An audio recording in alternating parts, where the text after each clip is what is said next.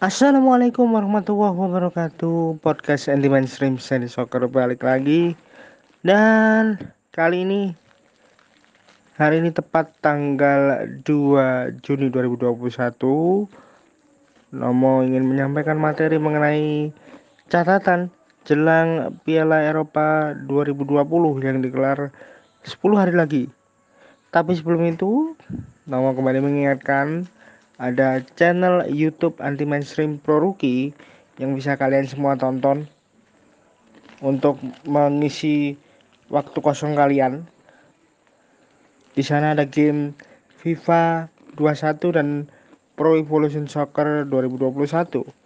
Jangan lupa like, share, komen, dan subscribe. Nyalakan lonceng notifikasi serta tonton videonya sampai habis agar jam tayang Proruki bisa on target. Dan ini sebagai salah satu cara bagi kita untuk mensupport channel YouTube yang dikelola oleh Sony Gibol, Il Capitano agar bisa sukses dan berkembang. Oh ya, untuk countdown untuk kualifikasi Piala Dunia zona Asia fase kedua dimulai besok tanggal 3 Lalu untuk Piala Eropa kurang 10 hari lagi mengingat digelar tanggal 12 Juni 2021. Kemudian untuk Copa America yang sudah diputuskan bahwa Brasil menjadi tuan rumah, menjadi host. Itu digelar 14 Juni walaupun sampai sekarang masih banyak sekali kontroversi yang terjadi, tapi menurut catatan dari CONMEBOL 14 Juni adalah hari di mana partai perdana Copa America 2021 akan digelar. Oke, back to materi yang akan Nomo bawakan hari ini mengenai catatan menjelang Piala Eropa 2021. Ada banyak sekali fakta menarik dari Piala Eropa ini.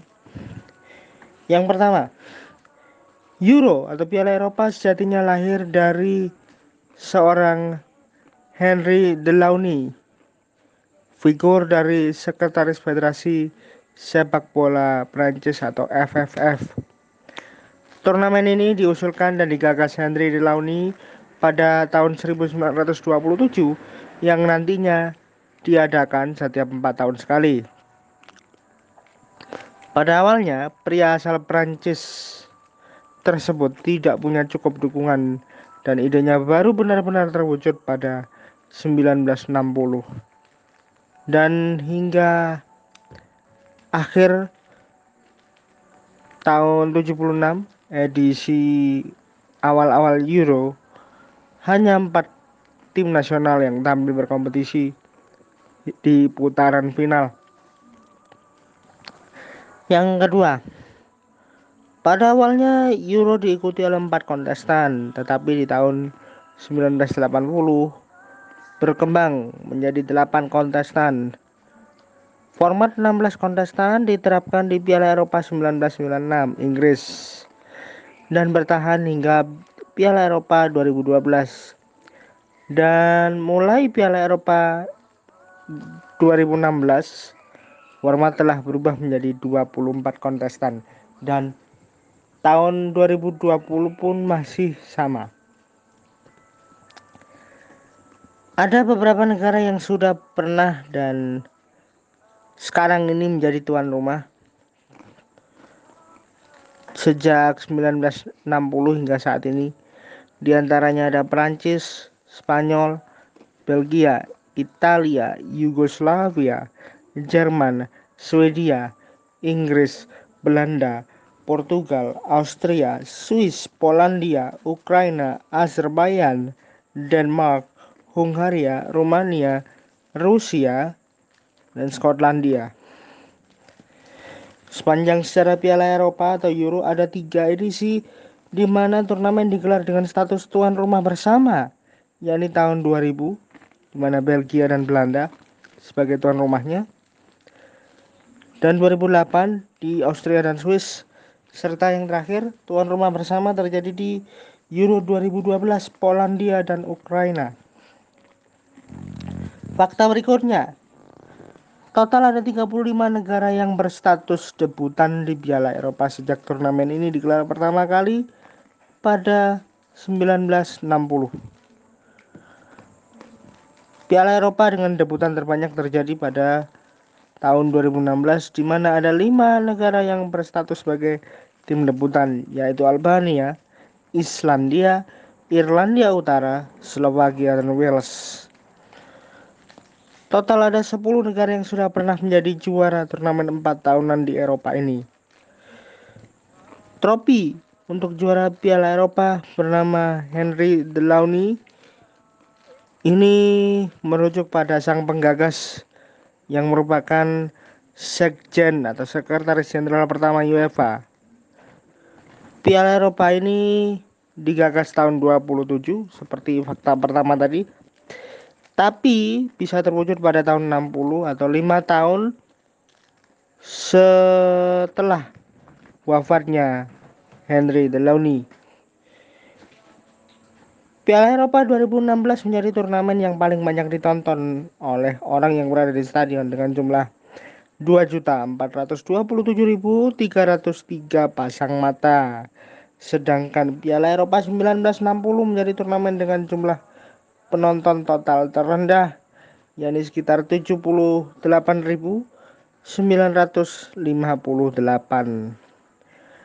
Piala Eropa 1996 menjadi Piala Eropa dengan adu penalti terbanyak sebanyak sejarah yakni 4 kali.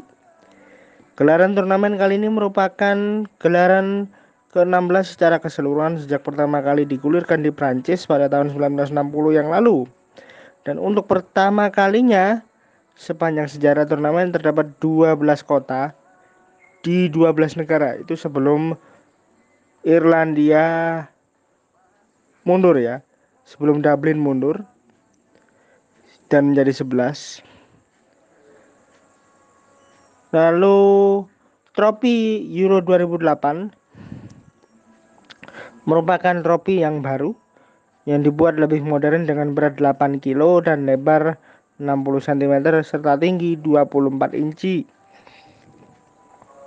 Italia di tahun 1968, lalu Spanyol di tahun 1964, dan Prancis di tahun 1984 adalah tiga tim nasional yang sukses menjuarai ajang ini dengan status sebagai tuan rumah.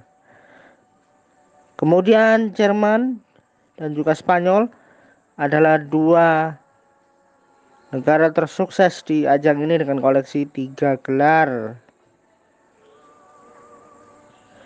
Jerman meraihnya di tahun 1972, 1980, dan 1996 sedangkan Spanyol di 1964, 2008 dan 2012. Jerman adalah negara yang paling sering tampil di final round Euro atau Piala Eropa sebanyak 13 kali termasuk yang tahun ini. Kemudian Uni Soviet, Spanyol, Italia dan Jerman Barat adalah deretan tim debutan yang tersukses dan sukses menjuarai ajang ini pada partisipasi perdana. Uni Soviet di tahun 1960, Spanyol di tahun 1964, Italia 68 dan Jerman Barat tahun 1972. Jerman Barat adalah salah satu-satunya tim yang paling banyak memainkan game 49 kali sekaligus meraih kemenangan terbanyak 26 kali Koleksi poin juga terbanyak 64 poin, mencetak 72 gol dan kebobolan 48 kali. Sedangkan Gli Azzurri Italia adalah negara yang paling banyak meraih hasil seri, yakni 18 kali. Kita ke Denmark sekarang. Denmark adalah tim yang paling banyak menelan kekalahan di ajang ini 16 kali tapi mereka juga menjadi satu-satunya timnas yang menjuarai ajang ini dengan memenangi semua game. Ada lima game yang mereka lakoni pada saat menjuarai Piala Eropa pada tahun 1992.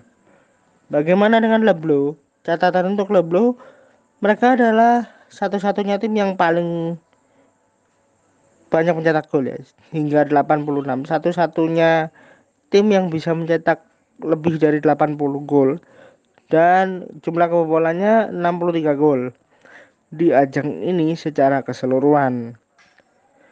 Spanyol adalah satu-satunya juara bertahan yang sukses mempertahankan gelarnya di dua edisi beruntun 2008 dan 2012.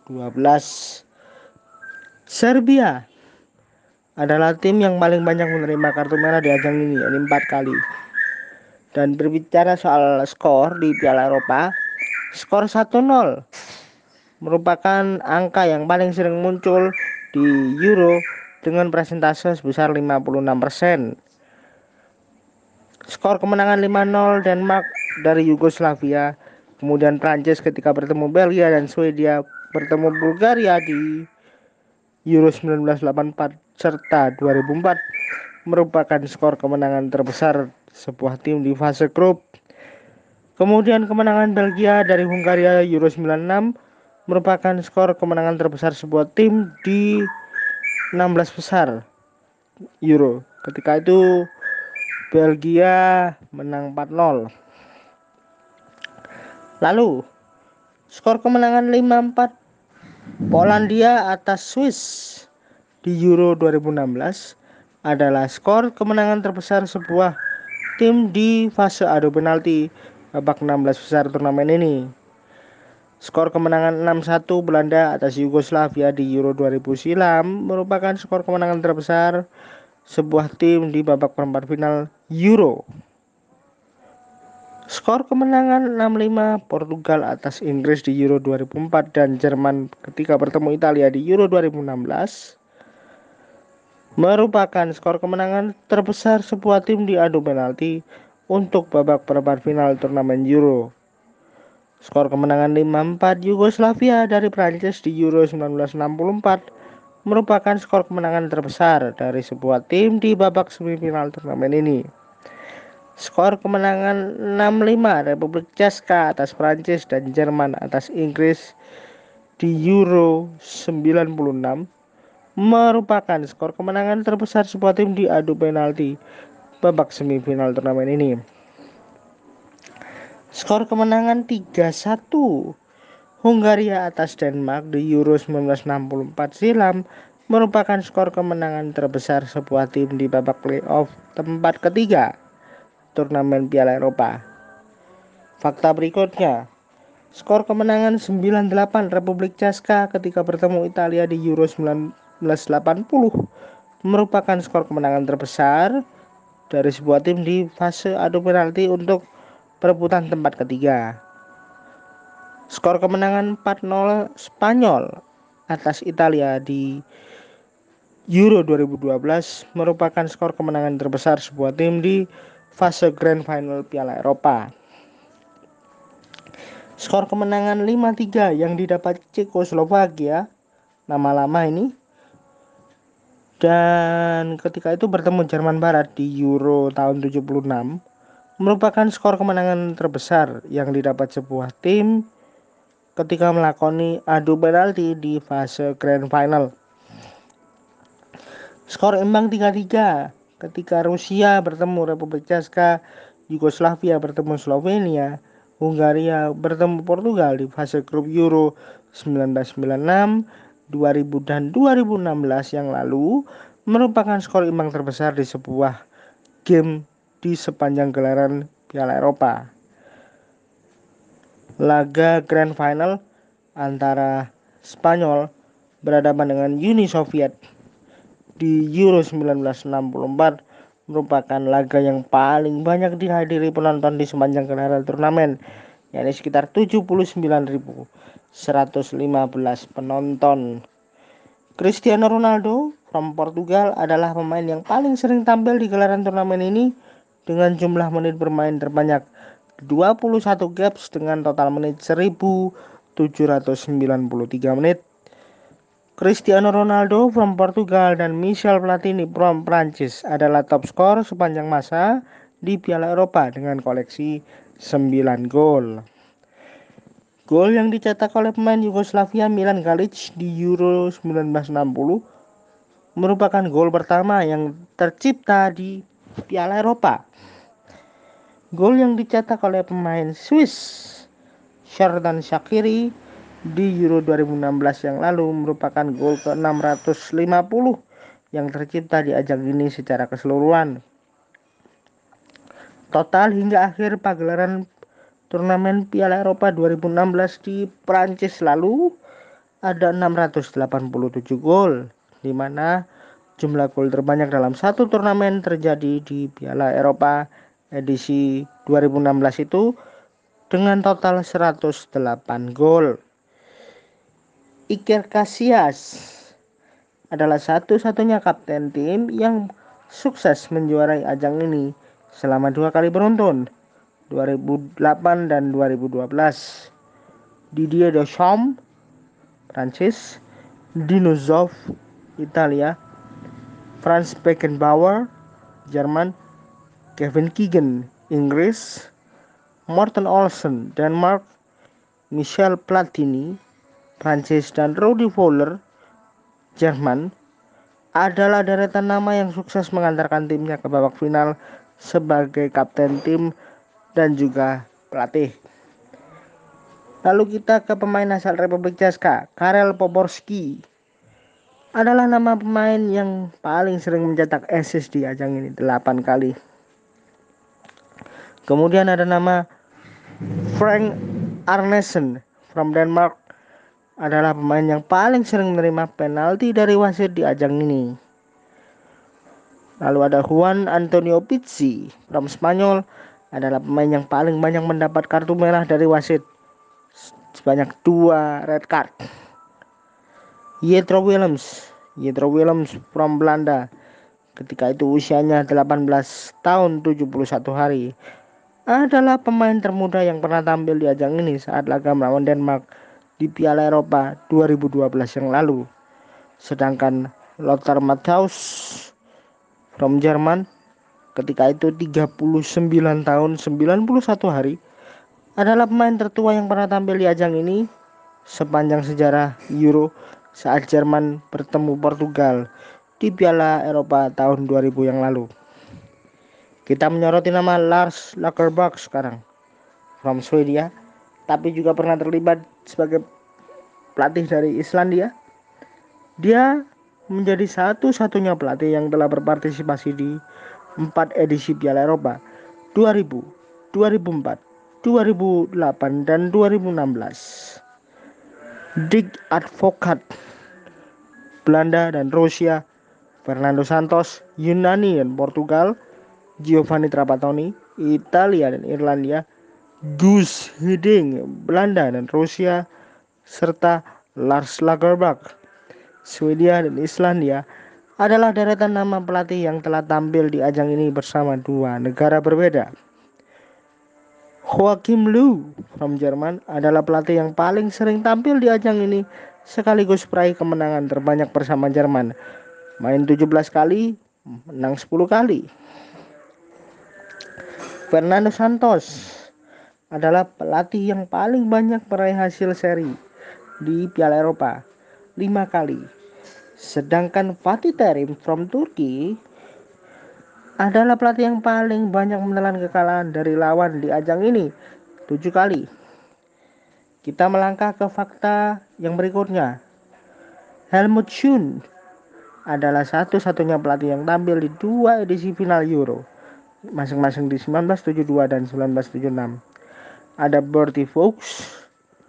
Bertie Fuchs from Jerman adalah satu-satunya orang yang sukses menjuarai Euro sebagai pemain dan pelatih 1972 dan 1996.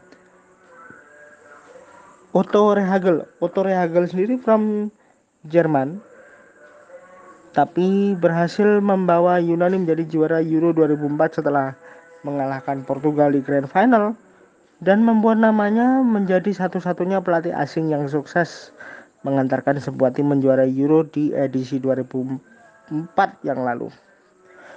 Fakta berikutnya, Sreko Katanex 36 tahun 333 hari adalah pelatih termuda yang pernah tampil di putaran final Piala Eropa tepatnya pada edisi 2000.